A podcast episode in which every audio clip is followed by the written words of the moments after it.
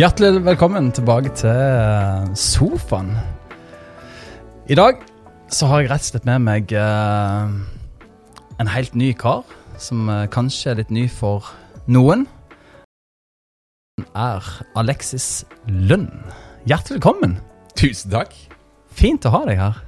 Du, godt å sitte i denne Vi må vel tilbake til 80-tallet, tror jeg. Litt sånn rosa plush eh, sofa. Ja. Så um, jeg sitter godt. ja. De ble lagd for at du skal sitte godt før. Nå ser det bare kult ut i dag. Ja, men bra. Og så er det, sånn, det er sånn, nesten sånn dreads som henger ned under dem. ja. Det er klasse over dette. Ja, det er blast from the past. Også Fredrik, du er med. Godt å ha deg her, min gode wingman. Oh Det er fantastisk. Hvordan har du det? Meg og han. Nei, Fredrik. Jeg tenkte Fredrik med. Jo, Fredrik er det bra som alltid. Han uh, kan ikke klage på mye. Det er Nei. jo helg. Men det er jo nesten hele tida, så. Ja, Du jobber turnus, så det, du er jo helt ødelagt. ja, jeg eh, sa jo til fruen når vi hadde påskeferie, bare hvor er egentlig påskeferie? jeg har ikke, Nei, sant? det er ikke ferie lenger. Nei da. Nei, helt veldig godt. Eh, livet er egentlig bare veldig godt. Ja, det er bra. Du, eh, Alexis, du må bare litt sånn kort summere opp eh, hvem var hvor. Hvem var hvor? Alexis heter jeg. Jeg, eh, jeg er pappa. Det, det, har- det har tatt mye av livet mitt. Og det har vært en stor glede og ære. Men, uh, og det er ikke over. Det er, liksom, det er noe som bare vedvarer. Uh, jeg er gift med Elisabeth. Det skjedde tidlig. Nå, ja, snakker vi veldig tidlig? Ja, Vi snakker, vi snakker ikke barnebryllup, men uh, vi snakker om, vi snakker om 18-19-årsalderen. Ja? Så det har jeg vært i 32 år. Wow. Hun Jeg skjønner det ikke helt ennå, men eh, jeg lever utrolig godt med det. Og jo mer jeg lærer om ekteskap og mann og kvinne, jo mer faller jeg til ro med at hun er annerledes. Så eh, Ellers så eh, liker jeg å Jeg liker å prate med folk. Det har liksom blitt en del av hva jeg gjør. Jeg er jo håndverker, da, så jeg er en sånn praktisk fyr. En av mine store, store greier i barneoppdragelse, det har vært 'finn en løsning'. Det har jeg liksom sagt til barna mine hvis de har slitt med et eller annet. Og jeg, det, er, det handler nok litt om hvordan jeg er skrudd sammen. Men uh, det er ikke alltid det er det smarteste å bare finne en løsning. Du må gjerne finne ut hvorfor er dette vanskelig, og hvilken løsning er den beste. Så jeg, uh, jeg er blitt 50 år, og livet har liksom forma meg litt på noen av de, de kvasseste kantene mine. Eh, jeg jobber i tro og medier. ja. Åssen er det? Jo, der jobber vi med tro og med mediebruk, og det er vanskelig. Ja. For det, det er vanskelig å få det til å henge sammen, for mye av det som skjer på mediefronten i dag, er jo, ja, hva skal jeg si, ideologisk drevet Ja. uh, av en annen tro, om at mennesket er eh, i sentrum universet. Og det tror jo ikke jeg på. Så jeg, eh, jeg jobber jo med et spørsmål som, eh, som er vanskelig. Jeg sier av og til at hvor, Folk spør meg hvor jobber du, Alexis. Jeg jobber i Dutchingens dal, sier jeg da. Så jeg jobber med ting som handler om, om kropp og identitet og seksualitet og samliv og kjønn og porno og disse tingene som gjerne vi, vi kristne, og kanskje særlig i stor grad i dag min generasjon, da, som er foreldre, snart besteforeldregenerasjonen, har unngått i det lengste å, å snakke om. Så det er litt mitt eh, Litt liksom min Så jeg liker jo da litt sånn Jeg liker litt bratte bakker og motvind og uvær. Ja. Det liker jeg. Det er godt det er noen av de, da. Ja. Det er mange som skyr det, tenker jeg. Meg sjøl inkludert av og til. ja, men det er ikke alltid at jeg trives i det, men liksom når, når det har blåst over, Ja. så, eh, og stormen legger seg, og det klarner opp, så er det et eller annet med å vite at det, bardunene holdt. Bardunene holdt. Ja. Du, vi har uh, temaet, på eller agendaen litt for, for eh, sofaen, er jo, eh, er jo eh, kaffe og livet, det er jo én ting. Men, men Jesus etterfølgelse. Hvordan ser Jesus etterfølgelse ut for Alexis i 2023? Hva, hva er Jesus etterfølgelse? Et godt spørsmål. For jeg må, jeg må skille mellom det jeg gjør, eh, og det jeg er. Jeg, jeg jobber jo i en sånn kristen boble, eh, hvor jeg er ute og snakker om disse tingene. Uh, og hvis ikke livet mitt henger sammen med hva jeg snakker om, så eh, blir dette vanskelig. Så Jesus' etterfølgelse for meg er ganske radikalt. Det er litt hvordan styrer jeg livet mitt? Hvilke valg tar jeg? Hvilke verdier er det jeg liksom legger inn i, uh, inn i livet mitt? Og der er jo familie liksom tatt, uh, Det har tatt mye av livet mitt. Ja. Og det kommer til å gjøre det videre framover òg. Så Jesu etterfølgelse for meg betyr jo hvordan kan jeg bruke livet mitt på å følge etter noe som er mer enn meg. Mm. Noe som er mer enn meg. Og det er det heldigvis noe som er. Ja. Selv om jeg syns selv av og til at jeg tar mye plass. Og jeg blir lei av meg selv av og til. I livet ditt, liksom? Ja, jeg blir det. ja, for Hvis jeg er ute liksom har reist, hatt en sånn intens periode hvor jeg er mye ute på, på reis, og så kommer du litt sånn inn og skal svare på vanskelige spørsmål og ta opp ting i en skole eller i en, Mm. i en ledergruppe, og så er det sånn Ja, Alexis Lund, Alexis Lund. Hva tenker du, Alexis Lund? Og så setter jeg meg i bilen etterpå, og så tenker jeg liksom Jeg er jo en helt vanlig fyr. Mm. Med helt vanlige issuer i livet mitt. Og eh, liksom Og det er helt greit. Det er liksom, så jeg, og der må Jesus' etterfølgelse komme inn. Um, ja, det er nødt for det. Hvis ikke så kommer ikke det til å henge sammen. For jeg, jeg har noe kulere igjen i kammeret ennå, kjenner jeg. Ja. Uh, og det må liksom uh, Det må være Jesus som, uh, som både er inspiratoren og motivasjonen og belønneren og liksom alt som, som er dette. Så først og fremst så er jeg kanskje sønn, da. Det er jo det jeg er. ja, ikke sant? Ja. Mm. Det handler jo om identiteten vår, ja. Mm. Og det er jo der det skal gå ut fra, alt sammen. ja. Mm. Hva, hva har vært mest uh, Kan begynne med Fredrik. Hva har vært mest uh, Hva er det mest utfordrende i dagens samfunn med å være en Jesus-etterfølger? For klart, vi Går du tilbake til når du vokste opp, Alexis, for 50 år siden, ikke sant? Mm. Uh, så var jo kulturen i mye større grad prega av kristne normer og verdier. ja. Uh, I dag så så, så blir vi plutselig litt sånn counterculture. Uh, annerledestenkende, annerledes folk. eh, ikke så relevante kanskje i, i uh, des, ja, mediers eller sekulære perspektivet. Men for deg, Fredrik, hva, du- hva har du opplevd de siste årene eventuelt, eller hva opplever du i dag som Hva er det mest utfordrende? Å være en, etterf en sann etterfølger av Jesus? Eh, på en måte så tror jeg du spør nesten feil person nå. Nei, da spør jeg rett! Det er det som er så bra. Jeg, jeg, jeg, helt ærlig syns ikke det er noe problem. i helt rett. Jeg har mine meninger, og jeg står for de meningene. Uh, så er ikke alle som er enige med det, men mm, jeg respekterer jo andre sine meninger. De respekterer mine meninger da, når vi snakker i hopa, som min mening om uh, ekteskap eller uh, sex før ekteskap eller hva enn det. Eh, hvis andre har en annen mening, så respekterer jeg den meninga.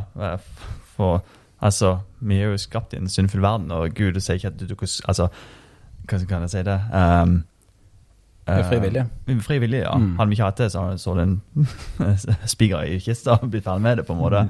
Så, så vi, vi skal jo ikke springe rundt der med pekefingeren og, og, og peke på alle som gjør feil her. Det, uh, men igjen, vi skal være tydelige med det vi bærer på. Uh, så etter jeg kom hjem fra BT, så menneskefrykten min eh, Han er jo da, det er jo litt grann igjen, da, men eh, på forskjellige fronter. da, Men hva jeg tror og mener og syns, det bryr svært lite om hva andre mener og syns om det. da. Eh, så Litt jeg mer er sikker i uh, Veldig, veldig sikker. Så, så derfor, ja, jeg, jeg, jeg er veldig sånn Jeg, jeg vil bare de mm. Rett fram. Ja. Eh, hva river det i kjødet til Alexis da, når det kommer til etterfølgelse av Jesus? Hvor er det du blir utfordra av Mm. Gud, eller eventuelt denne verden? Og jeg blir utfordra på, på mange måter. Um, det er nok eh, kanskje med hvordan jeg bruker tida mi. Uh, jeg liker godt å være aleine. Uh, jeg liker godt å Eller jeg, jeg er jo en fyr som kanskje må jobbe ekstra for å, for å holde på nære relasjoner. Uh, for jeg veit det er så viktig for meg. Hvis ikke skulle jeg blitt en sånn der ensom uh, fyr. Uh, jeg har jo en stor familie og barn og, og snart barnebarn og liksom alle disse tingene som, som, er veldig naturlig i livet. Men for min del som så det, hvis, jeg, hvis jeg blir stilt overfor det spørsmålet som jeg syns Fredrik absolutt ikke er feil ball å svare på, for han har mange av de tingene som, som veldig, veldig mange mennesker savner og lengter etter. Mm. Uh, altså ansvar og forpliktelse, trofasthet, omsorg. Jeg så Fredrik i øyekroken da jeg kom inn i dag. Jeg visste ikke vi skulle sitte her. Da satt han og sikta på en sånn der liten barneflaske og blanda noe greier til, til et lite barn. Ja. Uh, ikke sant? Som er helt avhengig av han. Mm. Som er helt avhengig av han uh, i livet sitt mm. for å bli et helt og fullt menneske. Og jeg tenker, Hvis vi skal begynne å grave litt i disse spørsmålene, så må vi litt inn på dypet mm. av hva er det vi lengter etter. Uh, og hva er det vi søker i livene våre? Mm. Og hva ser vi av tomhet i samfunnet? Mm. Og det er ganske lett å få øye på. Mm. Vi kan liksom inn i populærkultur og det ene med det andre. Eller vi kan gå enda tørrere. Vi kan gå inn i ung datatall og se på all utenforskapen og ensomheten og denne herre utilfredsheten og usikkerheten som ligger i de tallene da, for unge som vokser opp i dag. Ja. Og hva er det vi dypest sett søker? Etter elsket. Å bli mm. elsket. At noen faktisk elsker oss. Mm. Og det er vanskelig for oss å ta imot. For vi er liksom uh, vi, vi, er, vi, er, så selvstendige, og vi er så frie, og vi skal klare oss selv. Og det er uh, det er liksom, For min del, da, hvis du spør liksom personlig hva som river i meg, så er kanskje det noe av eh, det er kanskje noen av mine issuer. Mm. Jeg er sterk. Uh, I sterkeste laget av og til. Mm. Jeg klarer meg, liksom. Mm. Men så veit jeg at uh, dypest sett der inne så, så, er det bra for meg som liksom Jeg er en voksen mann som er trygg på hvem jeg er, og jeg liksom jeg har vært med å reise opp en familie og, og, og vært disse bølgene, og til dels flodbølgene og toppene og dalene som livet bringer. Men allikevel så veit jeg at jeg, jeg, er skjønn. Jeg er nødt for å liksom være på mottakersida av, eh, av, eh, av denne liksom relasjonen med Gud. Mm. Han uh, faktisk får, får omfavne meg. Mm. Det er kanskje en av de tingene som jeg, jeg liksom stadig må jobbe med. Mm.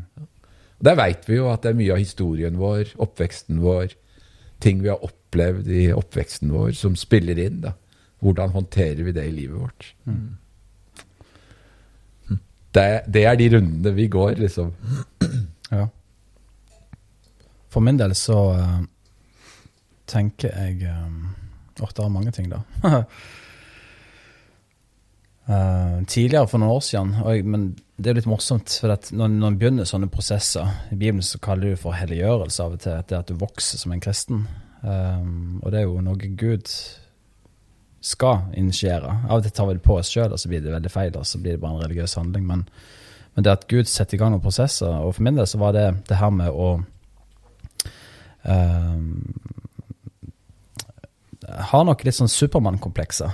Altså at, og jeg kjenner meg litt igjen i det du sier. Det at jeg, ja, jeg er generelt en flink gutt. Får det til. Eh, klarer meg fint sjøl, tror jeg.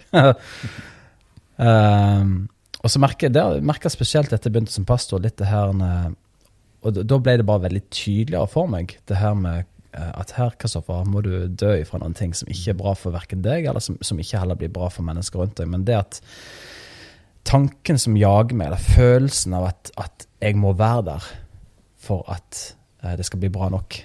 Eller at jeg må være med og bidra og gjøre noe for at det skal bli godt nok. Eller hvis ikke jeg, selv om jeg ikke har en rolle på gudstjenesten, eller hva det er for noe, så må jeg nesten være der fordi at Ja.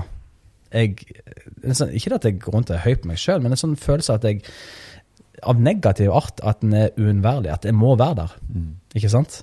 Um, og det kjenner det er en ting som jobber med meg. at for det det går utover, først og fremst uh, jeg, jeg, klarer meg fint sjøl. Altså, det å ha det sånn sjøl er helt greit, det går, ikke, det går ok, men, men, de som lider mest under det, er jo kanskje familien. For det, det hvis jeg stadig går rundt og føler at jeg må være til stede, jeg må gjøre det, jeg må sende en melding, jeg må ta kontakt med dem, det, det, er meg som må initiere, her må jeg være til stede, så er det jo tida det går utover. Altså det tilstedeværelse. Det at du, du, du må heller være en annen plass enn der du egentlig burde vært. Um, så, så, og de som lider mest, er jo de som kanskje trenger meg mest. Mine barn, ikke sant? Uh, som kanskje ikke klarer helt å sette ord på at 'pappa, nå er du mye vekke'. Mm. Eller 'jeg savner at du bare er her til stede og ser meg', eller 'er med meg ut og sykler på lekeplassen'. Det kan jeg tenke på som litt sånn ah, 20 bortkasta minutter, ikke sant? Men det er jo kanskje de viktigste minuttene jeg har den dagen Mm. Ja. allikevel. Og det er en balanse, og her, her vi, blir, blir vi nok aldri helt fullkomne sånn sett, men, men det kjenner jeg er noen ting som jeg igjen har blitt minnet på av Gud at Kristoffer um, Når du ikke er til stede, eller når du faktisk kan ta et skritt tilbake, så, så um, gjør det. Og ikke slit med dårlig samvittighet for at du ikke er der for andre mennesker, eller på en måte ja. Så, så det, og det der blør jeg litt, for at, uh, når jeg da ikke er der, så kan jeg plage meg sjøl med dårlig samvittighet, og så er jeg kanskje ikke til stede hjemme engang. Når jeg da egentlig skulle Altså, sant? Eller Ja. Så det, det, det der er jo bare Her trenger jeg virkelig Guds hjelp til å på en måte hjelpe Ja. meg til å uh, bli fri, egentlig. Jeg tror dette er ting som vi, Jeg kjenner jo kjempegodt igjen det du sier. Altså det, for min del, når du liksom åpner opp det rommet der, så, så veit jeg altså sånn Personlig så har jeg gått noen runder på det området, for jeg fikk noen skuffelser i livet, tidlig i livet som prega meg kanskje mer enn jeg ante. eh, som jeg måtte jobbe med i voksen alder. Eh, som, som gikk på generelt Du kan egentlig, når det kommer til stykket, ikke stole på noen. At det blir bra nok. Og da må jeg være der. Og jeg begynte jeg tror jeg begynte å bli klar over de tingene egentlig når eh, jeg begynte å overføre det på mine barn. Egentlig, hvis du virkelig skal liksom være sikker, så må du gjøre det sjøl. Ja. Det er en balansegang her. Som, eh, som jeg liksom begynte Og jeg vet jo, liksom, når du åpner opp dette rommet, så veit jeg at dette er Og dette er ting som jeg har jobba med i mitt liv. Som, eh, som liksom er Og dette handler om liksom bagasje vi får med oss. Ting som vi begynner å liksom ta inn over tankene våre, som ikke er forankra i hva vi faktisk er. Som skapt i Guds bilde. Mm. Det er løgner, rett og slett. Ja, det er jo det. Det er løgner. Ja. Ja, det er jo ofte en grei sånn tommelfingerregel, tenker jeg, med, hvis du kjenner på skam og på en måte de her, Kanskje ikke skam, men eh, Gud kan jo gi oss en dårlig samvittighet. Vi har en samvittighet som er en slags kompass i livet. Samtidig så har du den her negative dårlige samvittigheten, som er ikke rota ned i verken Gud eller sannhet, men som rett og slett er, som du sier, enten våre egne tanker eller, eller rett og slett løgn, Uh, som bare er ute til å sabotere og ødelegge. Men du jobber mye med det her med seksualitet. Du nevnte det. Og medier. Mm. Identitet, seksualitet, pornografi, eh, følelser. ja. Ungdata. Ungdata. Den forteller oss mye jo- skremmende nå, egentlig. Det er mye skremmende greier der ute, og vi kan liksom eh, Vi kan bruke skremsel og eh, liksom hele den inngangen, og det, jo, det er jo vi kristne kanskje vært ganske gode til. Liksom, eh, hvis vi fortsetter her, og nå er det så ille, og det har aldri vært så ille som det er nå. Og, liksom alle disse tingene som vi Ja, har det vært verre, liksom? Det. Om det har vært verre?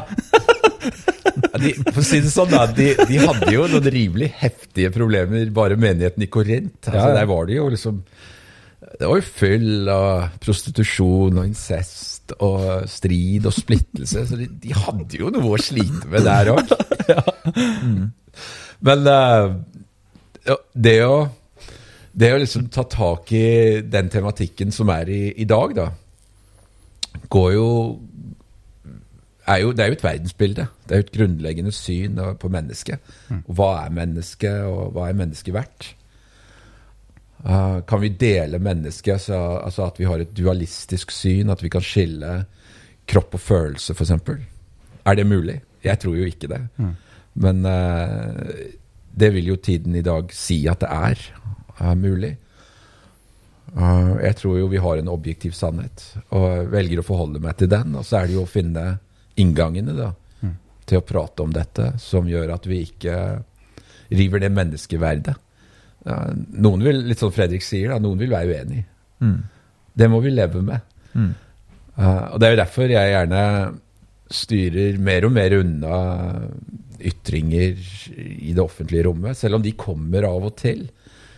Og det ligger en del der ute som vi har jobba med og fortsatt jobber med. Men liksom den generelle diskusjonen i Facebook-kommentarfelt, det, det, fører ingen god retning, altså. Det, da er vi aktivister. Det er ikke jeg. Jeg, jeg, er veldig opptatt av egentlig hva som er sant. Mm. Um, ja. Og inn i disse spørsmålene så er det ganske kontroversielt. Ja. ja. Men vi må starte på dypet, da. Ja. Etter lengslene og eh, det som vi liksom ligger inni oss mennesker. Uh, og da blir det da blir det noen åpninger hvor vi kan begynne å snakke om hva vi er som, som biologi. da. Mm. Og da passer troen plutselig nydelig inn i dette. plutselig. Mm. Ikke overraskende da, for meg som tror. Nei, for det er klart vi tror jo Gud har skapt oss, så det vi eventuelt finner ut av sannheter, bekrefter jo bare at det er en god skaper med en hensikt for våre liv.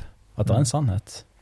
Men vi har jo en historie, menneskene, da, med mye um, Vi skal klare oss sjøl. Vi ønsker å følges, følge våre egne um, tanker og sannheter og følelser. og og så roter vi oss inn og ut på ting som bare Ja. Ja, hvor vi setter menneskehjernen i sentrum, og ikke Gud. Hvor vi skaper Gud i vårt bilde. Og det er jo litt det vi ser liksom, i kristen Dette rundt liksom, teologi og de ulike spørsmålene knytta til f.eks. samliv eller mann og kvinne og, og, og seksualitet og de tingene, hvor vi plutselig begynner å endre på det som har vært opplest og vedtatt som liksom ligger nært inntil uh, Guds hjerte. Og så lager vi noen endringer der, og jeg tror ikke vi gjør det ustraffa i, i, dette feltet her. Um, det jeg tror har en ganske høy pris for, uh, for noen, mm. og det er jeg villig til å prate om. Mm. Um, jeg er villig til å snakke om det, og jeg er villig til å, til å imøtegå liksom både smerte og, og vandring og medvandring. Men å endre på helt grunnleggende ting i den kristne troen er ikke jeg med på liksom i denne da. mm. Det går ikke. For da må du endre synet på Gud. Ja. Og vi skaper Gud i vårt bilde. Mm. Men jeg tenker vi er skapt i hans bilde. Mm. Ja. Det er jo ganske seriøst. Bare lese på var det Romerne, kapittel 1, 2 eller 3. Hvor plass der så I studiebibelen sto det din sammendrag av, av de kapitlene da, eh, om homofili.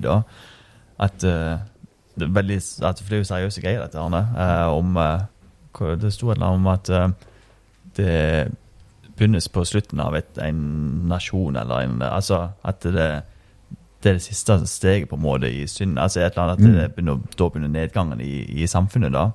Uh, og Det er jo det man ser rundt forbi nå i verden. og altså Det blir jo bare Altså Nå er jo sosiale medier sosiale medier, men det, det, det ser jo ut som bare ting blir bare galnere og galnere og galnere. Så det i mitt hode som lurer på hvor, hvor er enden henne? Altså mm. hvor, hvor, stopper det henne? For nå for det er jo alltid vært homofili uh, siden dag én, nesten uh, siden syndefallet. Mm. Men hvor, hvor, hvor grensa nå henne, da? For det, det, er så mye annet som begynner å skje her. Med ja, kjønnsbytting og, og, alt det der. Altså mm. man, ja ja, og hvordan skal vi da som kristne, som da ja. tror på en sannhet, mm. eh, formidle dette til mennesker mm. som ikke kjenner Gud engang? ikke sant? uh, ja, for da kan vi se sånn som sosiale medier. altså Vi kan jo skrive så mye vi vil der, men det, det, skjer jo ingenting. Kommer aldri gjennom. altså det, det så det er jo kjærligheten. Altså, det er jo kjærligheten. Det, det. Kom an. Ja, er, da er du, du er i rett retning nå. Hvordan, altså, Da begynner du jo å åpne opp svaret her. Ja, ja altså, vi svarer jo lett, da. Nei, men det er jo Ja, kjærligheten det er den som, det er den som overvinner. Så det er, jo, ja. det er jo egentlig nøkkelen. Altså det å fylle seg med hans kjærlighet og, og kunne gi den da videre, én på én, til den personen som eventuelt uh, har spørsmål, eller som han uh, har samtale med. da. Og det er jo da de ser hjertet ditt bak det, at ikke det at du hater de eller ikke vil ha noe med det å gjøre, men det er faktisk at du virkelig elsker de, og du setter stor pris på de, og du vil bare at de skal vite sannheten om hvem deres identitet er, da. Mm. Hvem de egentlig ment å være, da. Uh, ja. ja. Og det er det vi Jeg vet ikke om hva, hva vitenskapen sier, men ifølge Bibelen så er det vel kanskje mer at det er en forvirring, da. Jeg vet ikke. Men uh, Vitenskapen er jo ganske tydelig på en del av disse spørsmålene. Hvis vi Ja. går liksom inn i vitenskap og biologi, ja. uh, hvis vi går inn i eh, hvordan vi mennesker formes, og hvordan òg opplevelser og traumer former oss mennesker, så, er det jo, så ligger det jo ganske mye her. Og det er jo ting som, som selvfølgelig jeg òg er opptatt av og bruker tid på å lese og studere og høre på ulike podkaster og psykologer og psykiatere som liksom jobber med disse tingene. ja. Um, katolikkene innenfor liksom kristenheten er vel de som virkelig har gravd uh, dypest Ja. uh, i, eh, i dette. Kanskje fordi at dette er jo sakramenter for dem. Ekteskap, ja. Ja. Eh, at det er så det er, det er så avgjørende i synet på Gud. Men hvis, vi, hvis vi liksom starter i, i et spørsmål som jeg, jeg Jeg har brukt mye tid på det spørsmålet, og det høres jo veldig enkelt og banalt ut, men er evangeliet gode nyheter for alle mennesker? ja. Det er, det Du er kan, liksom tenke, du kan tenke at ja, evangeliet er gode nyheter for de som velger å ta det imot. Og så that's Ja, it. that's it. Mm. Men jeg vil jo påstå si at det er jo egentlig gode nyheter for alle. Mm. Jeg er enig i det. Og det er liksom eh, For et par år siden så gikk jeg med en lang tur. Jeg sa til sjefen min jeg har det spørsmålet, og det, det gnager på meg. Jeg må ha litt tid. Og så spurte jeg om å få en måned fri. Det var da du hadde den lange Ja. ja. Og sjefen min, altså Jarle Haugland, han er jo en raus uh, leder. Og, og, og skjønte jo det at eh, jo, Alexis, du kan godt få en sånn studiepermisjon. Og uh, vil du reise på en retreat, eller liksom Hva tenker du? Nei, jeg tror jeg tar pulk og telt og, og det spørsmålet, og så stikker jeg av en måneds tid. Med betaling? Fantastisk! For en investering! For en investering. Nydelig! men det var det spørsmålet jeg liksom tok med meg, da. Og duelle litt Ja. på. Ble du, ble du klokere? Om det var verdt det? Vel, altså jeg, var, jeg er jo liksom Jeg er jo kristen, så jeg er jo forplikta til å tro det. Ja, altså Jeg har jo falt ifra hvis jeg ikke tror det. Men uh, problemet mitt og dilemmaet mitt er jo at jeg møter mennesker som, som kommer til meg med sin historie da, og sine følelser og sitt liv og sine erfaringer. Som sier at Alexis, det du, det du står der og formidler, det er dårlige nyheter for meg. For det betyr at jeg må endre meg. Ja. Det betyr at det er noe, det er noe med meg som, eh, som er galt. Eh, og jeg er født sånn, så jeg er født, og jeg føler det jeg føler, og liksom alle de tingene. Og da er jo jeg litt sånn Ok, jeg har lyst til å ta det spørsmålet, jeg har lyst til å kna det fram og tilbake, og, og virkelig, virkelig liksom prøve å bore i disse gode nyhetene, da. Og det er jo Dette er jo opplagte ting for oss som tror, tenker jeg. Dette er, liksom, dette er ting som Ja, dette er gode nyheter for oss som har tatt imot, men dette er òg gode nyheter for den som eh, er menneske. Den Men for, Forklar det kort for de som hører på nå, som ikke har peiling på hva- at evangeliet er gode nyheter. Hva i all verden betyr det? Det høres ut som gresk, og det er det jo nesten. Det er at Men hva er det? Det er at vi er gitt en grunnleggende verdi som mennesker, og at vi er ikke materie. Vi er mennesker, og vi er skapt i Guds bilde, og at vi er ønsket og villet og elsket av en Gud som er god. Og jeg hadde jo en sånn, Vi snakket litt om det her i starten. Jeg hadde en ganske spennende opplevelse i NRK på Trygdekontoret med Thomas Seltzer, og de hadde rigga liksom en samtale da, hvor vi skulle snakke om pornoavhengighet. For det er, jo, det er jo noe jeg har greie på og har lest mye om og, og har liksom eh, kunnskap om. Og så hadde de fått inn meg og ville snakke med en influenser. Eh, en ung dame eh, som er født i 1996. Som, eh, som jobber ut ifra Onlyfans, som jo er en, en pornografisk eh, plattform, hvor hun selger kroppen sin mot betaling. Og så hadde de liksom rigga til debatt da, i dette. Og jeg får et manus, og de hadde gjort research på meg, og her kommer Alexis Lund, og han er sykelig opptatt av rett og galt og moral. Og, er alle disse tingene som liksom algoritmene liksom lager et bilde av. da. Nå kommer mørkemannen. Nå kommer Mørkemannen. uh, og, og jeg sa liksom, jeg fikk dette manuset, og jeg sa glem dette. Og dette er jo Thomas Seltzer med, med måten han er på. Jeg er jo fascinert av han. Jeg syns han er en spennende fyr. Han er jo rabagast. Jo, jo. Men så kommer jo, kommer jo denne unge damen, da, Helene heter hun, og er jo litt sånn skjelvende og er liksom innstilt på å svare for hva hun holder på med. og hvorfor det er bra, og, og har nok googla meg og tenker at her blir jeg fordømt. Og så har vel Onlyfans òg vært litt under kritikk i tillegg. Veldig under kritikk. Eh, og er kritikkverdig. Altså, det er en kynisk Det er så kynisk hvordan de utnytter sårbare mennesker. Men så starter jeg liksom med å bekrefte at hun er verdifull.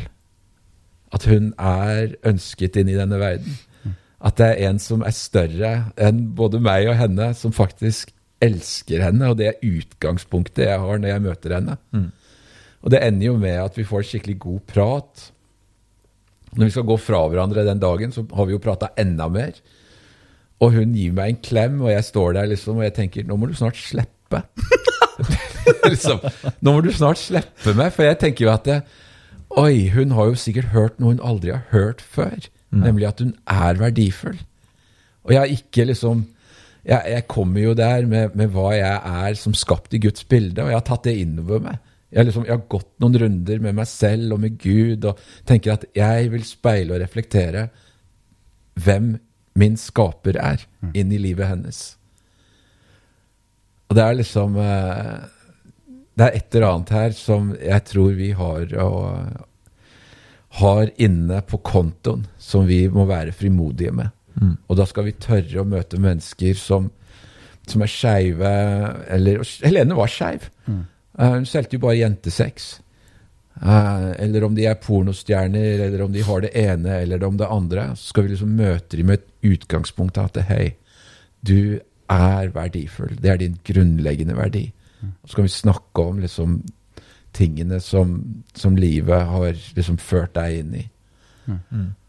Men det var jo ingen god historie. Og jeg mener jo at jeg har en god historie. Ja. Og for den som ikke tror, da, så mener jeg jo at jeg har en god historie som graver inn på dypet av hva de er som mennesker. Så det er, eh, det er, det er nok derfor jeg liksom kjenner nok på en stadig grad av økt frimodighet.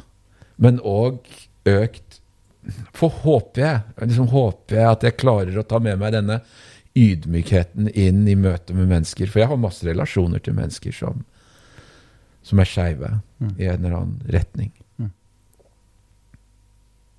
Åssen eh, Åssen er det da å møte disse menneskene, med både jobbtitlene du har og Ja, du må liksom brekke noe is først. Mm. Du må, liksom, du må sette deg ned sånn som dette, i en sånn plysjrosa sofa og prate sammen. det er liksom det som eh, det er, det er det som eh, Du må tørre å snakke litt sant. Ja. Hva er det, hva er det jeg faktisk tenker? Noen liksom krever av meg at jeg skal kalle de for en, eh, for en mann, når de er kvinne. Altså det, er jo, det strider jo mot eh, all sunn biologi. Det strider mot hver eneste celle i kroppen, men jeg kan liksom med stor respekt liksom forklare gjerne hvorfor jeg tenker det jeg tenker, og hvorfor det er sant. For det er ikke noe jeg tror er sant, det er noe som er sant. Og hvordan det faktisk finnes en objektiv sannhet. Men det er kanskje ikke, der, det er kanskje ikke plassen å starte. Plassen å starte er at eh, hei, vi er mennesker. Vi er i et desperat behov for frelse. Og jeg er ikke noe mindre behov for frelse, jeg, enn en som er trans, eller en som er skeiv, eller en som har baksnakka eller stjålet eller drevet hor, eller hva det nå skal være. Altså, jeg, jeg er jo like desperat behov for frelse. Selv om liksom hele min pakke med familiefar og kristen og kristne barn og sant? Hele denne kristne pakken som jeg liksom av og til liksom bare må åh, ja, for du er jo 50, du er hvit. ja. Du pusher jeg vet ikke, pusher 70-80-90, Ja. kanskje. Du, du er jo check, check, check, check, check, Ja, da, jeg, jeg sjekker av på alle disse her punktene. Det er nesten et handikap. Er det det? Merker du det i uh... Kanskje i forkant, fordi at eh, du møter Ja, det, ja, Mens når du da kommer inn og faktisk snakker ja da skjer det et eller annet. Ikke sant? Skjer det er jo det kanskje det som er svakheten til vår kultur. Ja. At det skjer jo ikke. Nei. Eller det skjer altfor lite. Til og med i, internt i kirka. Mhm. Merker kanskje det er en av de store tingene som jeg uh, har opplevd som, uh, som pastor. Hvis det er ting som uh, Kanskje det er mennesker som uteblir fra, fra, fra sammenkomster. Uh, det er kanskje et eller annet dere har hørt om at den personen gjør eller lever sånn, eller Og så burde jo altså, Jeg husker det ble så enormt tydelig for meg. For jeg var fotballtrener i et halvannet år for guttungen min som ja, Jeg må jo bare engasjere meg, sånn er jeg bare. Så da ble jeg trener. Det var jo et behov, selvfølgelig. det. Det var sikkert ikke en trener som kunne gjøre en bedre jobb. Ja, det vet jeg ikke. Ja, men det var, det var gøy. Det syns jeg var kjempegøy. Men, men da merka jeg min frimodighet i at et barn var vekke en trening eller to, var jo at da, når, da møtte han på amfisenteret. Sånn, 'Hei, vi savner deg. Kommer du ikke?' sant? Og må du prøve å hooke det inn igjen, ikke sant? Altså Den enorme frimodigheten jeg av natur har til mennesker.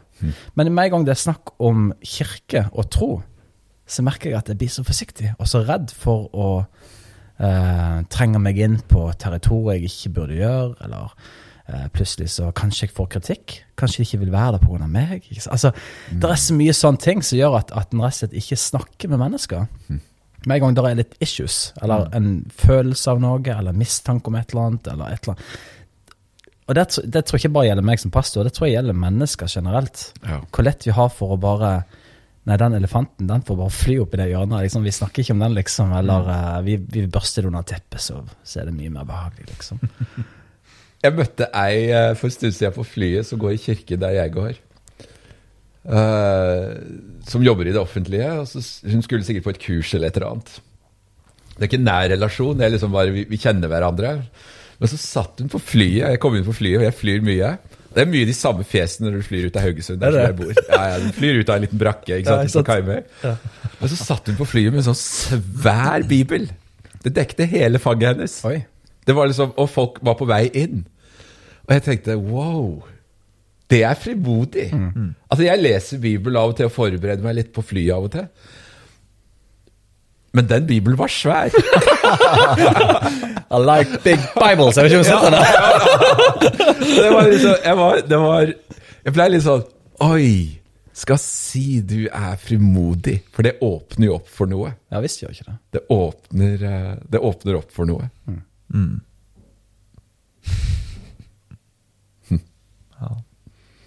Jeg husker en, en sa på en podkast jeg hørte, at eh, han elsker å få um, det, jeg ser det med, med ganger. da For da, da sitter de to stakkerne inne og snakker dele evangeliet med de, de gode nyheter. Så de sitter fast. De sitter fast. Jeg er jo sånn som venter liksom til siste calling. Da går jeg om bord for å sette meg hvor jeg vil. Helst der det ikke sitter noen. Og Jeg tenkte liksom Ja, men Alexis, du lar jo sikkert ting gå fra deg her. Kanskje det er mer jeg må jobbe her. Nei. Er forskjellige. Men i forhold til, Du nevnte noe om det her med evangeliet, at uh, at hvis evangeliet er sant, så, krev, så vil jo det kreve en slags reaksjon. Altså Da, da, da er det jo noe plutselig som er sant. Ja. Og jeg hørte en, eh, jeg tror han heter Frank Turek, en amerikansk apologet, um, som ble stilt spørsmål om det her med Jeg husker ikke helt hva spørsmålet var, det har ikke noe å si egentlig, men han nevnte bare en eksempel med at han uh, han, han, er, han har mange artister som han uh, både har debatter med, og, og som han kjenner godt i USA, da spesielt. Uh, og da var det på en måte, da stilte han et veldig tydelig spørsmål til en av de her artistene. Hvis, hvis, han, hvis han kunne på en måte Hvis han visste at Jesus levde, eller har levd, og at han døde på korset, han sto opp igjen, at han var Guds sønn, at evangeliet er sant, at det fins en Gud, og det fins en vei å gå på, ville han da ha trodd? Og da var svaret nei. Han ville ikke ha trodd. Og han fikk ikke noe begrunnelse, men han trakk opp konklusjonen. Men det handler jo om fordi at da betyr det at jeg plutselig må endre en del av mitt liv. Altså, livet mitt må det, det er så mange ting som, som endrer seg hvis jeg anerkjenner at det er en gud. Eh, og at jeg anerkjenner at det er, en, det, er en, det er en annen konge. Det er et kongerike jeg må forholde meg til herrene som er annerledes enn der jeg er konge, og i min, min, min sfære der jeg er herre, liksom, og, og kan gjøre hva jeg vil for noe. Og, men i det jeg anerkjenner at ja, Jesus er konge, han er min herre, han ønsker jeg å, å følge. At Guds ord er sannhet, og at det er godt, Mm. så betyr det at ok, da til og med må Kristoffer i dag òg faktisk eh, anerkjenne at det er ting jeg i dag gjør, eller prioriterer, eller tenker, eller holdning, eller hva det måtte være for noe som Nei, det, det her kan vi ikke ha noe av. Nei. Her ønsker, sier Jesus da, her ønsker jeg å gå inn i en prosess med deg, Kristoffer. Jeg ønsker at du skal bli mer lik meg. Jeg liker han ateisten der. Ja. For det er et realt svar. Ja, det er jo det. Altså et realt svar. Og så er det jo et ærlig svar, og jeg, for det er jo noe med at det, den overbevisningen som, eh, som må til da, for at denne ateisten skal, skal faktisk svare ja, er jo noe som må komme innifra. Yes. Og det er noe Den hellige ånd liksom må gjøre. Og det er jo gjerne der det er jo gjerne der vi må tåle å sitte litt stille i båten. Og ikke liksom alltid komme med løsningen. Og rett og galt. Men å gi faktisk rom for, for Den hellige ånd. Og jeg kjenner jo en del mennesker som både kjenner tiltrekning til samme kjønn eller konflikt med sin egen kropp. Når de forklarer meg om sin vandring, så er det ikke liksom alle svarene og alle de rette tingene som er blitt fortalt til, som har, som har til et eller annet punkt liksom overbevist dem om at det, ok, det er noe mer enn meg. Men det er, det er, en, det er en, en prosess og en vandring med noe som er mer enn de. Som er liksom en del av ja, en del av det vi er, da, som skapt i Guds bilde. Som ånd, sjel og legeme. Hvor liksom Den hellige ånd får, får begynne å jobbe med disse prosessene. Og det er ganske det er ganske spennende å høre, og det tar jeg til meg. For jeg, jeg liksom jobber jo selvfølgelig med argumenter, og jeg jobber med biologi, og jeg jobber med liksom de, de, tingene som liksom Ja, dette er sikkert smart å si. Jeg elsker jo Jordan Peterson, selvfølgelig. For han er så, han er så smart og kommer med så fantastiske svar. Som, er, som går rett hjem. Som man sikkert kan liksom hente ti sånne metaanalyser og studier på og si dette er sant. Ja, jeg liker jo det. Det appellerer til meg. Men så er det allikevel noe her som er mer enn det. Og det har jeg tillit til. Og det er den åndelige liksom, dimensjonen oppi disse spørsmålene. Ja, for faren med denne her 'facts doesn't care about your feelings' er jo at bokstaven slår jo i hjel. Den gjør det. Mm. Det, det er jo, jeg syns jo sånne ting er kjempegøy. og Det, ja. å, endelig den som bare sier det hvordan sånn det er, liksom. Og, og du nesten har lyst til å trene deg opp til å bare levere de her sitatene. Men problemet er jo at det, det var ikke det Jesus gjorde.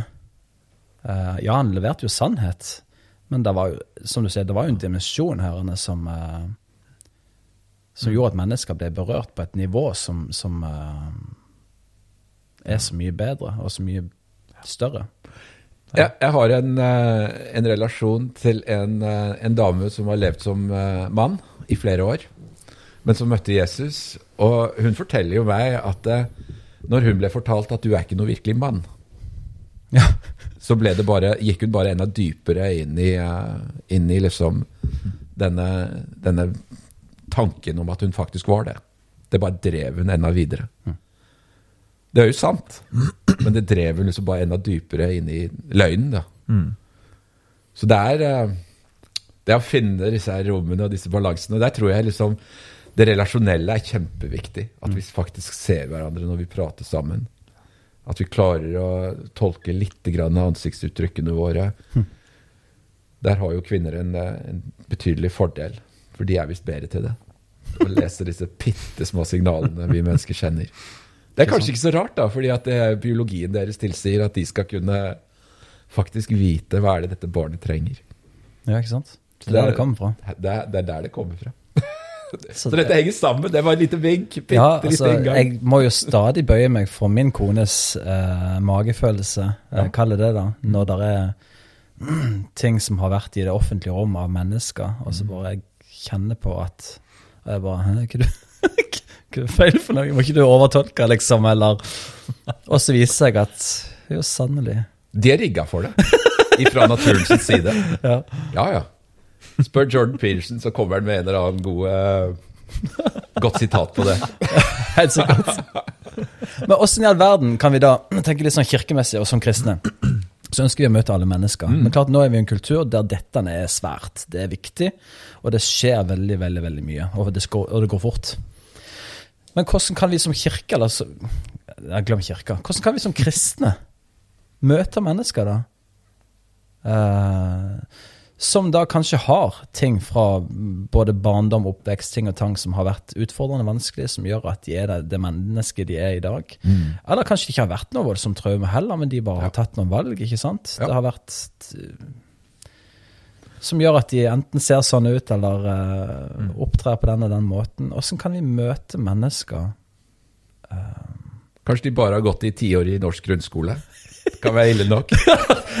Traumatisk nok. Det er mye, mye rart der òg, ja.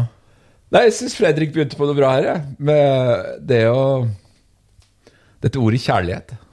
Altså, hva er det, da? Ja, det er Fredriks mantra. Ja. Kjærlighet. Det er bare kjærlighet, sier han. Det er bare kjærlighet. Ja, Vi kan jo sette litt ord på hva det er. ja, ja, sett ord på det, Fredrik. Nei, men den har jo egenskaper. Ja, det er sant. Og det er der, jeg tenker der er eh, Jeg tenker der er noe av liksom svaret mm. til oss som, eh, som enkeltpersoner, som kristne og som kirker, da, med å liksom være praktiske i vår tilnærming til hvordan skal vi definere kjærlighet inn i livet ditt. Um, det er liksom noen som vil si ja, det handler jo om å snakke sant. Det er kjærlig. Og da er det jo Ja, men hvordan snakke sant med kjærlighet? Eh, da må vi kanskje lytte. Eh, vi må kanskje tåle smerte. Og vi må kanskje vandre med over tid. Um, og vi må kanskje tåle at noen utfordrer oss uh, på dypet i disse spørsmålene. Um, og vi må være Vi må være transparente. Uh, ikke redde, for frykt er jo kanskje noe av det som har vært Som driver mye av denne, denne debatten, da, som, iallfall i det offentlige. Uh, frykten for det ene eller frykten for det andre og, og de tingene. Så, så da tror jeg nok at det, det å det å fordype oss i, uh, i dette kjærlighetsforholdet, da, som, uh, som, som vi er ment å leve i, som Jesus modellerer så nydelig i eh, kanskje særlig Johannes evangeliet, um, hvor han beskriver relasjonen sin med sin far, da. Uh, mellom faderen og sønnen. Og at der er det noen sånne døråpnere knytta til hvordan, hvordan kan vi vise kjærlighet overfor uh, mennesker som tror og tenker og lever annerledes enn oss. Eh, jeg tror måltid er en god ting. Ja. Det å dele, det å dele et måltid sammen. Eh, for da legger vi kanskje grunnlag for at eh, ok, nå er det kanskje ikke akkurat dette issuet vi skal snakke om, vi skal, vi skal faktisk ha det litt hyggelig sammen. Og da tåler vi kanskje å snakke om noe som er vanskelig. Ja. Ja. ja, de sier jo det at Jesus Det, det står jo referert ganske mye om at Jesus spiste mat. Mm. Og han spiste ofte mat med mennesker som etter tradisjonen ikke skulle sitte sammen. Det er Det derfor. dukka jo opp ymse òg i de der eh, ja. settingene. Hva, unnskyld, jeg avbrøt Nei, jeg skulle bare si det sikkert der. Bare Fleipt, og sikkert derfor vi ikke skal faste så mye. Ja, ja. Ja. Nei, men, eh, og jeg tenker også det med eh, Det står jo at Jesus hadde en kan man si, connection med faderen hele tida. Altså, Det kan du si. en sånn ikke gikk hele tida opp her. så jeg tenker det er utrolig viktig å Hvis man ikke har svaret, så er det ikke vits å late som man har svaret. Nei. For det merker jo fort folk. da. Ja. Det er ikke vits å late som om man er glad i folk. altså eh, Spør Jesus om å gi den kjærligheten til de folka. Spør Jesus hva, eller, hva tenker du vi skal gjøre her, eller hvordan skal vi framgangsmåten i dette her? Altså, det er jo relasjonen. Det er jo det å kunne gå i ett hele tida. Følge ja, magefølelsen vi snakker om. altså Det du føler Herren sier til deg hele tida, går for det. liksom. Eh, tenker jeg, da. Det er en fin måte å komme seg inn på, i hvert fall. Så må jo han gjøre resten. Og så er det et med, det, det opplever nok jeg av og til i, i samtaler med mennesker, at jeg, jeg møter veggen, liksom. Jeg kommer ikke noe vei her, fordi at vi er grunnleggende uenige. Eh, om f.eks. dette som handler om, uh, om likekjønna seksualitet, eller likekjønna ekteskap. Altså, vi er, ikke, vi er grunnleggende uenige på dette punktet. Og jeg kommer ikke noe videre med liksom masse argumenter og det ene med det andre, så da må vi le, tåle å lene oss litt tilbake. Eh, men som kirke så er vi jo liksom nødt for å være tydelige på disse standpunktene og løfte fram liksom Det er dette vi tror. Jeg er jo sånn som når jeg skal ut i skoler, f.eks., for, eksempel, for jeg er jo en del ute i skoler. I kristne friskoler. Så det første jeg gjør da, det er jo å, å ta verdigrunnlaget til skolen. Det er dette dere har søkt barna deres inn på. Ja. For jeg får jo, eller kan få, kritiske spørsmål i etterkant. Uh, Av foreldre som har søkt barna sine inn der av en eller annen årsak. Kanskje sosiale årsaker. Uh, for det er jo det er, liksom, det er mange friskoler som har Som er bedre skoler, rett og slett. Så enkelt er det. Uh, barna er tryggere der. Det er flere voksne og det ene med det andre. Eller barna ikke har fungert i det offentlige. Og så er det foreldre som kanskje ikke har en gudstro, men som tenker ok, vi, vi sender de denne veien. Og så er det et foreldremøte hvor jeg er inne og snakker om kropp og identitet og seksualitet, og så får jeg kritikk da i etterkant. Og så sier jeg Men hør her. Det er dette skolen tror. Og det er dette du har søkt barna inn på. Og da lander det ganske greit. Da er liksom Ja, det er jo faktisk sant. Så vi, vi må ansvarliggjøre hverandre òg. Ja, ja, ja. Uh, være litt sånn, vi må være litt sånn rett på. ja. ja. Du nevnte òg det her med um, at du snakker en del om dette med, med pornografi. Jeg husker når jeg vokste opp som tenåring i uh, I uh, Ja, både på skole, men blant venner, og, og ikke minst i ungdomsmiljøet og i kirka. Altså, det var jo ting En snakka jo ikke om det. Eh, kanskje blant venner, ikke sant. Eh, Jeg husker første gang jeg ble introdusert for det, tror jeg var Jeg var, kanskje jeg vært gamle gutten, kanskje 9-10-11 år gammel. Men da var det jo bare en pocketbok i skuffa til pappaen, liksom. Eller pappaen sitt nattbord. Eh, og det var bare rart. Samtidig så var det litt spennende, men veldig ekkelt. på en måte. Det var liksom Og det er jo ofte sånn det er når du er så liten. Det er som regel den responsen barn Ja, har. Ikke vel? Spennende, men ekkelt. Ja. Så, så det, sånn sett så skjedde det ikke noe mer for min del da, men så var det en kamerat av meg når jeg var 12-13 år, som betrodde seg til meg og sa at han sleit med, med onani og uh, pornografi. Og jeg var jo 12-13 år, men samtidig så var det sånn sli, Altså, oi, går det? Altså, For meg, altså, det, det er jo fascinerende, den, det alderspektret, for det, folk er så forskjellige. Ja, Men for meg var jo det en sånn ny verden. Altså, under, hva er det? Nesten, ikke sant? Går det an å være avhengig av det? Eller går det an å ikke slutte, liksom? Altså sånn, hva, ja, Det var helt fremmed for meg. Men det gjorde jo, det skapte en, en nysgjerrighet hos meg. Det var jo første gang jeg kanskje hadde hørt om det. Ikke sant? Hva er det for noe? Hva, hva skjer når jeg da tar på min penis, liksom? Eh, og hva er dette med, med nakne damer og på en måte Og det ble jo min inngangsport til en verden som jeg ikke hadde peiling på hva innebar for noe. Og klart, utgangspunktet mitt var, var jo da at jeg vet jo ingenting, jeg kan ingenting. Jeg har ikke blitt fortalt noe, ingenting har snakk om dette. Og jeg tenker på en måte, det er jo kanskje der vi som først og fremst foreldre, eh, men òg ledere og kirke, er nødt til å snakke så ærlig og så ekte og så sant om de her tingene. Ja. Um, for å rett og slett Når da barnet da hører via en kamerat, eller når da uh, ungdommen blir fortalt av en lærer, ikke sant at ja, bare utforsk, gjør hva du vil for noe, ikke sant. Det er du, så lenge du har det greit, liksom. Altså, når de får servert disse liksom-sannhetene, så er det så utrolig viktig at de har et grunnlag å vurdere det ut ifra. At nei, men dette har jeg hørt om. Dette, eller dette vet jeg at Ja. Uh, Ja. Det er jo litt sånn, det jo, Jeg har jo en ganske lignende historie som din. Jeg var litt, jeg var litt eldre. Uh, for jeg jeg er jo litt eldre enn deg. Tiden, tiden har gått litt fortere etter hvert. Ja. Nå er jo disse barna 8-10.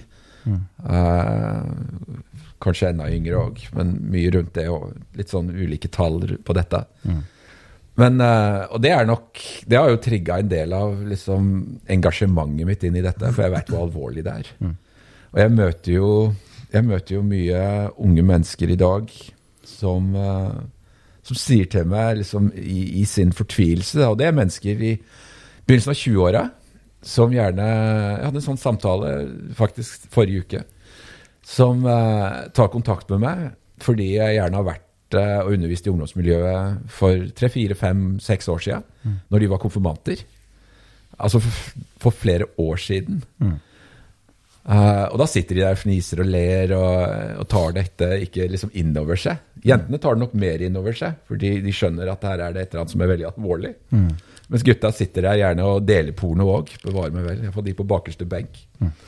Eh, og så tar de kontakt med meg i sin dypeste fortvilelse og sier at dette her er et eller annet som ikke stemmer i, inni meg. Jeg vet ikke hva det er, men jeg, jeg får ikke kontroll på dette, og det tar over hele tankeverdenen min. og og det for oss som voksne i dag, da Om vi er liksom den generasjonen som du er, som er i, i 40-åra, eller min i 50-åra jeg, tror ikke vi- jeg tror ikke vi evner å ta inn over oss hvordan er det å være tolv år i dag, ha 4,2 tommer skjerm, tilgang til all verdens pornografi. Det er, altså Jeg vokste opp med sladd. Og det var jo det var spennende nok, det. Svær, Svart, firkant svær, på TV 1000. firkant. som bevega seg, liksom. ikke sant? Det er jo helt sprøtt å tenke på i dag. Ja. Men uh, det, det er et eller annet å ta inn over oss. Hvordan er dette? Og da, da må vi tørre å snakke brutalt og ærlig og rett ut om disse tingene. Og det å For meg så har det vært en sånn vandring å finne et språk hvor jeg, eh, hvor jeg faktisk For jeg er en ganske privat person. Du, du, du slår meg ikke så Nei, det, altså. jeg veit det. Men det er som å hoppe fra timeteren hver gang. altså. Ja. Når jeg skal ha disse, og jeg har masse sånne pornoprater på skoler og i kirker og sånn. Og jeg åpner jo opp for spørsmål. Altså På, på ungdomsmøter så åpner jeg opp for spørsmål om sex, og de spør om alt mulig. De mest utrolige spørsmålene, og mye av det kommer jo rett ut av pornoen. Eh, hvordan funker det, og posisjoner og analsex og alle disse tingene som liksom ligger der. Og hele tida så spoler jeg inn til hva sier kroppen vår? Hva er det Gud har skapt? Hva er, hva er det vi er rigga for, sånn rent sånn biologisk sett? Og da er det så mange gode ting som ligger inne i fundamentet av troen vår. Dette med ansvar og trofasthet og forpliktelse, nærhet, uh, kjærlighet, ikke minst. Liksom, og, og forståelsen av dybden i hva vi er. Og da blir det så mye lettere å snakke om pornografi som noe som medfører skade. Uh, og medfører skam. Uh, og langtidsskade. Altså, dette, tar, dette tar jo tid å blø ut. Altså jeg var jo, når jeg skulle begynne å jobbe med denne tematikken her for ti år siden, så begynte jeg å jobbe med dette. Um, forsiktig. Og jeg var jo sånn, jeg tok jo skikkelig runder både med meg selv og med, med kona mi og med barna mine. og liksom, Skal jeg tørre å gå inn i dette? For jeg veit jo at her er det krefter. For det veit jeg jo liksom ifra liksom jeg var en ung gutt og en ung mann og måtte gjøre noen, noen konkrete grep i livet mitt. At dette er noe jeg ikke ønsker skal styre tankene mine.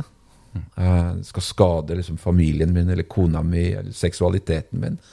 Og da er det Vi må vite at vi håndterer noe som er eh, som er, Det er dynamitt, disse Ja. tingene. Men da må vi inn eh, med, med stor frimodighet og rett ut språk. Det nytter ikke å pakke dette inn i silkepapir. silkepapir. Jeg er forsiktig i, i barneskolen. For jeg, du ønsker jo ikke å åpne opp noen dører. For, Nei, for det er jo en greie Ja, at, at du ønsker jo ikke å introdusere dem for noe som de ikke trenger heller. Nei. Men på foreldremøter, når jeg snakker til voksne, så er jo liksom der at det, det, er jo ikke, det er jo ikke om barna dine blir eksponert for dette, det er når. Altså gamer de, og de, de har tilgang til online gaming, ja ja, kjære folk. Da er det Fortnite og um, Overwatch og Minecraft er jo tre topp søkeord inn på en av de aller største pornografiske sitene i verden. Fordi at denne industrien er jo ekstremt kynisk og vil ha unge brukere inn på sine plattformer. For de veit jo at dette er avhengighetsskapende. Fordi at det er spennende. Ja, ja. Kroppen har vært en slagmark helt siden uh, vi beit inn i dette eplet. Og dette bruddet liksom i Ja. uh, Mellom uh, Mellom liksom ånden vår og kroppen vår og, og sjelen vår skjedde. For vi er jo ment for noe som er langt bedre. Og der er jo vårt, Vår inngang inn i denne tematikken er jo å formidle en bedre historie. ja. Absolutt. For den fins. Mm. Og da, er jo, da ser jeg lengsel i øynene på disse, disse ungdommene som jeg i stor grad snakker til om porno. At, Oi, fins det faktisk mening uh, med seksualiteten vår? For samfunnet vårt gir det ingen mening. Det er noe vi gjør for uh, vi har lyst. Mm. Så lenge vi er enige. Ja. Samtykke. Det er rimelig syltynn norm av samtykke. Ja, finner jo uh, Ja, den er tynn. ja. Hm. Har du noe mer på hjertet, Fredrik? Nei, jeg sitter egentlig bare og tenker på et spørsmål, men jeg vet ikke om det er sånn i podkast eller etter podkast, men kan vi bare ta det nå? Skal vi ta det? Hvis du har et spørsmål at vi har erfart tidligere med opptak at shit, det var jo når vi skrudde av opptakerne at virkelig de gode samtalene kom. Så hvis du har noe nå, så må du bare Det er helt sant. Det, det opplever jeg rett som det er Da er vi kanskje enda mer uh, Skal vi bare liksom bare late som ikke nå, vi er nå, Ok, da skrur vi av. Skal vi bare prate sammen? Kom an. Nei, altså jeg bare tenkte, for nå, nå har jeg jo fått to barn sjøl nå. Og så jeg tenker ha, Det er jo samme som du sier, at det, er jo spørsmål ikke Uh, om det blir uh, til at de får sett noe eller ikke. altså Det, det er bare når. altså Når i framtida. Så jeg tenkt, hvor, hvor skulle du begynne henne for å skåne de, eller for å veilede de, eller altså Når begynner du? Når uh, Ja, når begynner Dette er et kjempegodt spørsmål, Fredrik. Ja. Og kommer du klokka sju i kveld? Dette er sånn, Vi skal ha en temakveld. Ja, vi skal det. Nei, Dette er et glimrende spørsmål, og jeg tenker jo på alle måter at du er godt i gang Mm. Ja, du med disse samtalene. Ja. Og noe av det beste, noe av det beste jeg tenker du, da, som, eh, som mann og far, kan gjøre, det er jo å elske kona di. Mm. Ja. eh, og holde rundt henne. Gi eh, familien din trygghet. Mm. Og begynn å sette ord på det. Hvorfor det er viktig. Mm. Og det å, det å leie eller holde hverandre i hendene eller å være nær hverandre, er jo noe som vil bygge liksom en sånn forebyggende filter inn i unge mennesker og inn i barn. Ja. Og det å, det å etter hvert begynne å sette ord på i en, i en trygg setting hvorfor, hvorfor f.eks. dere liker å holde rundt hverandre. Mm. hvorfor dere to sover i samme seng. Og det er bare dere som sover der. Nå kan det være de eh, barna havner oppi der av og til. Men, men hvorfor, hvorfor dere liksom sover der? Ja. Uh, og hva er det hva er det, som, hva er det dere Hva er det som er spesielt med at det er dere to som elsker hverandre? Skulle minste jenta vår, hun er vernepleier i dag, og har jo, har jo kunnskap om kropp. Men da hun var en liten jente, så var hun kjempenysgjerrig. Så hun lurte på hvordan var hun var blitt til. Ja. Jeg husker jo ikke hvor gammel hun var. Det var sånn rundt, rundt begynnelsen av skolealder, kanskje litt før. Og Elisabeth og meg var veldig sånn Ja, ok, vi er jo Vi er jo der at vi kanskje bør fortelle henne det. Og så ga vi det et språk og fortalte henne det, og hun så på oss med avsky flere dager etterpå. Men i etterkant så har vi prata litt om det, og vi har snakka om dette etter hun blei voksen òg. Vi eide den historien. Det var vår historie. Den var trygg. Og vi ga henne en, en, egentlig en stor gave. Ja. Fordi at det var ikke noen venninner, en grov vits eller et bilde av eh, porno som ga liksom var det første inntrykket av hva er det som skjer når et menneske blir eh, unnfanget. Og skapte liksom en trygghet rundt det. Så jeg tror, jeg tror jo mer bevisst en er på dette som foreldre uh, Hadde jeg hatt små barn i dag, for dette er jo råd som jeg gir til småbarnsforeldre, så veit jeg jo at dette hadde ligget lenger fremme i, uh, i min bevissthet Ja. uh, knytta til hvordan liksom Hvordan modellere noe som er sant og sunt og godt. Samtidig skape liksom en trygghet rundt at nå er døra igjen. Ja. Nå er det meg og mamma som, som, som har det hyggelig sammen. Nå gjør vi det som Gud har ment vi skal gjøre, sammen. Og det er trygt, og det er velsigna. Da begynner du å legge noen fundamenter inn i noen små hjerter. Mm. Men uh, dette er uh, Og det er fascinerende når du hører uh, barneleger snakke om denne blikkontakten mellom foreldre og barn. Ja. Uh, hva den uttrykker. Hvordan uh, tryggheten liksom blir forankra. Så jeg tenker jeg tenker du skal fortsette jeg, å blande disse små flaskene som du gjorde i dag. og Se litt på flaska, se litt på barnet. og jeg skal, jeg skal legge dette bra opp for deg. Jeg skal lage en god miks her. Oh yes. Så det er, det er mange ting her, men uh, Ja. det å være litt sånn Og jeg tror i dag at det krever å være enda mer åpen. Mm. Enda mer åpen. Absolutt. Ja. ja. For det som sier, at eh, barn i de ja, hvor du sa, 28-årsalderen de spiller Fortnite altså, at til de, altså, Det er jo helt sykt i mitt hode at de kan begynne å få det inn i hodet. Altså, Ja. Det er helt sprøtt, egentlig, tenker jeg da. Mm. Så ja, begynn tidlig. Ja, du ser jo på en måte hva hva det gjør med den oppvoksende generasjonen, alle de her tingene. Én ting er på en måte hva de får servert gjennom media, men jeg tenker òg familiekonstellasjonene som bare er virkelig på avveie. Det er Ja. samlivsbrudd, det er det ene og det andre. Det er, det er liksom ikke et fast fundament lenger uh, for veldig mange barn som vokser opp. Nei. Uh, det er så mye som rett og slett er ikke helt som Gud har tiltenkt det. Det som er spennende i den inngangen der, eh, er jo at vi alle er et produkt av en hann og en hund. Om det er et reagensrør, eller om det er i en livmor, så er vi et produkt av en hann og en hund. Ja. Så dette ligger nedfelt i hva vi er Mm. som, som menneske. Mm. Og det må vi forholde oss til. Mm. Det kan være vanskelig, men vi må forholde oss til det. Som noen sånn siste ord, da, Alexis. En bedre fortelling. Mm.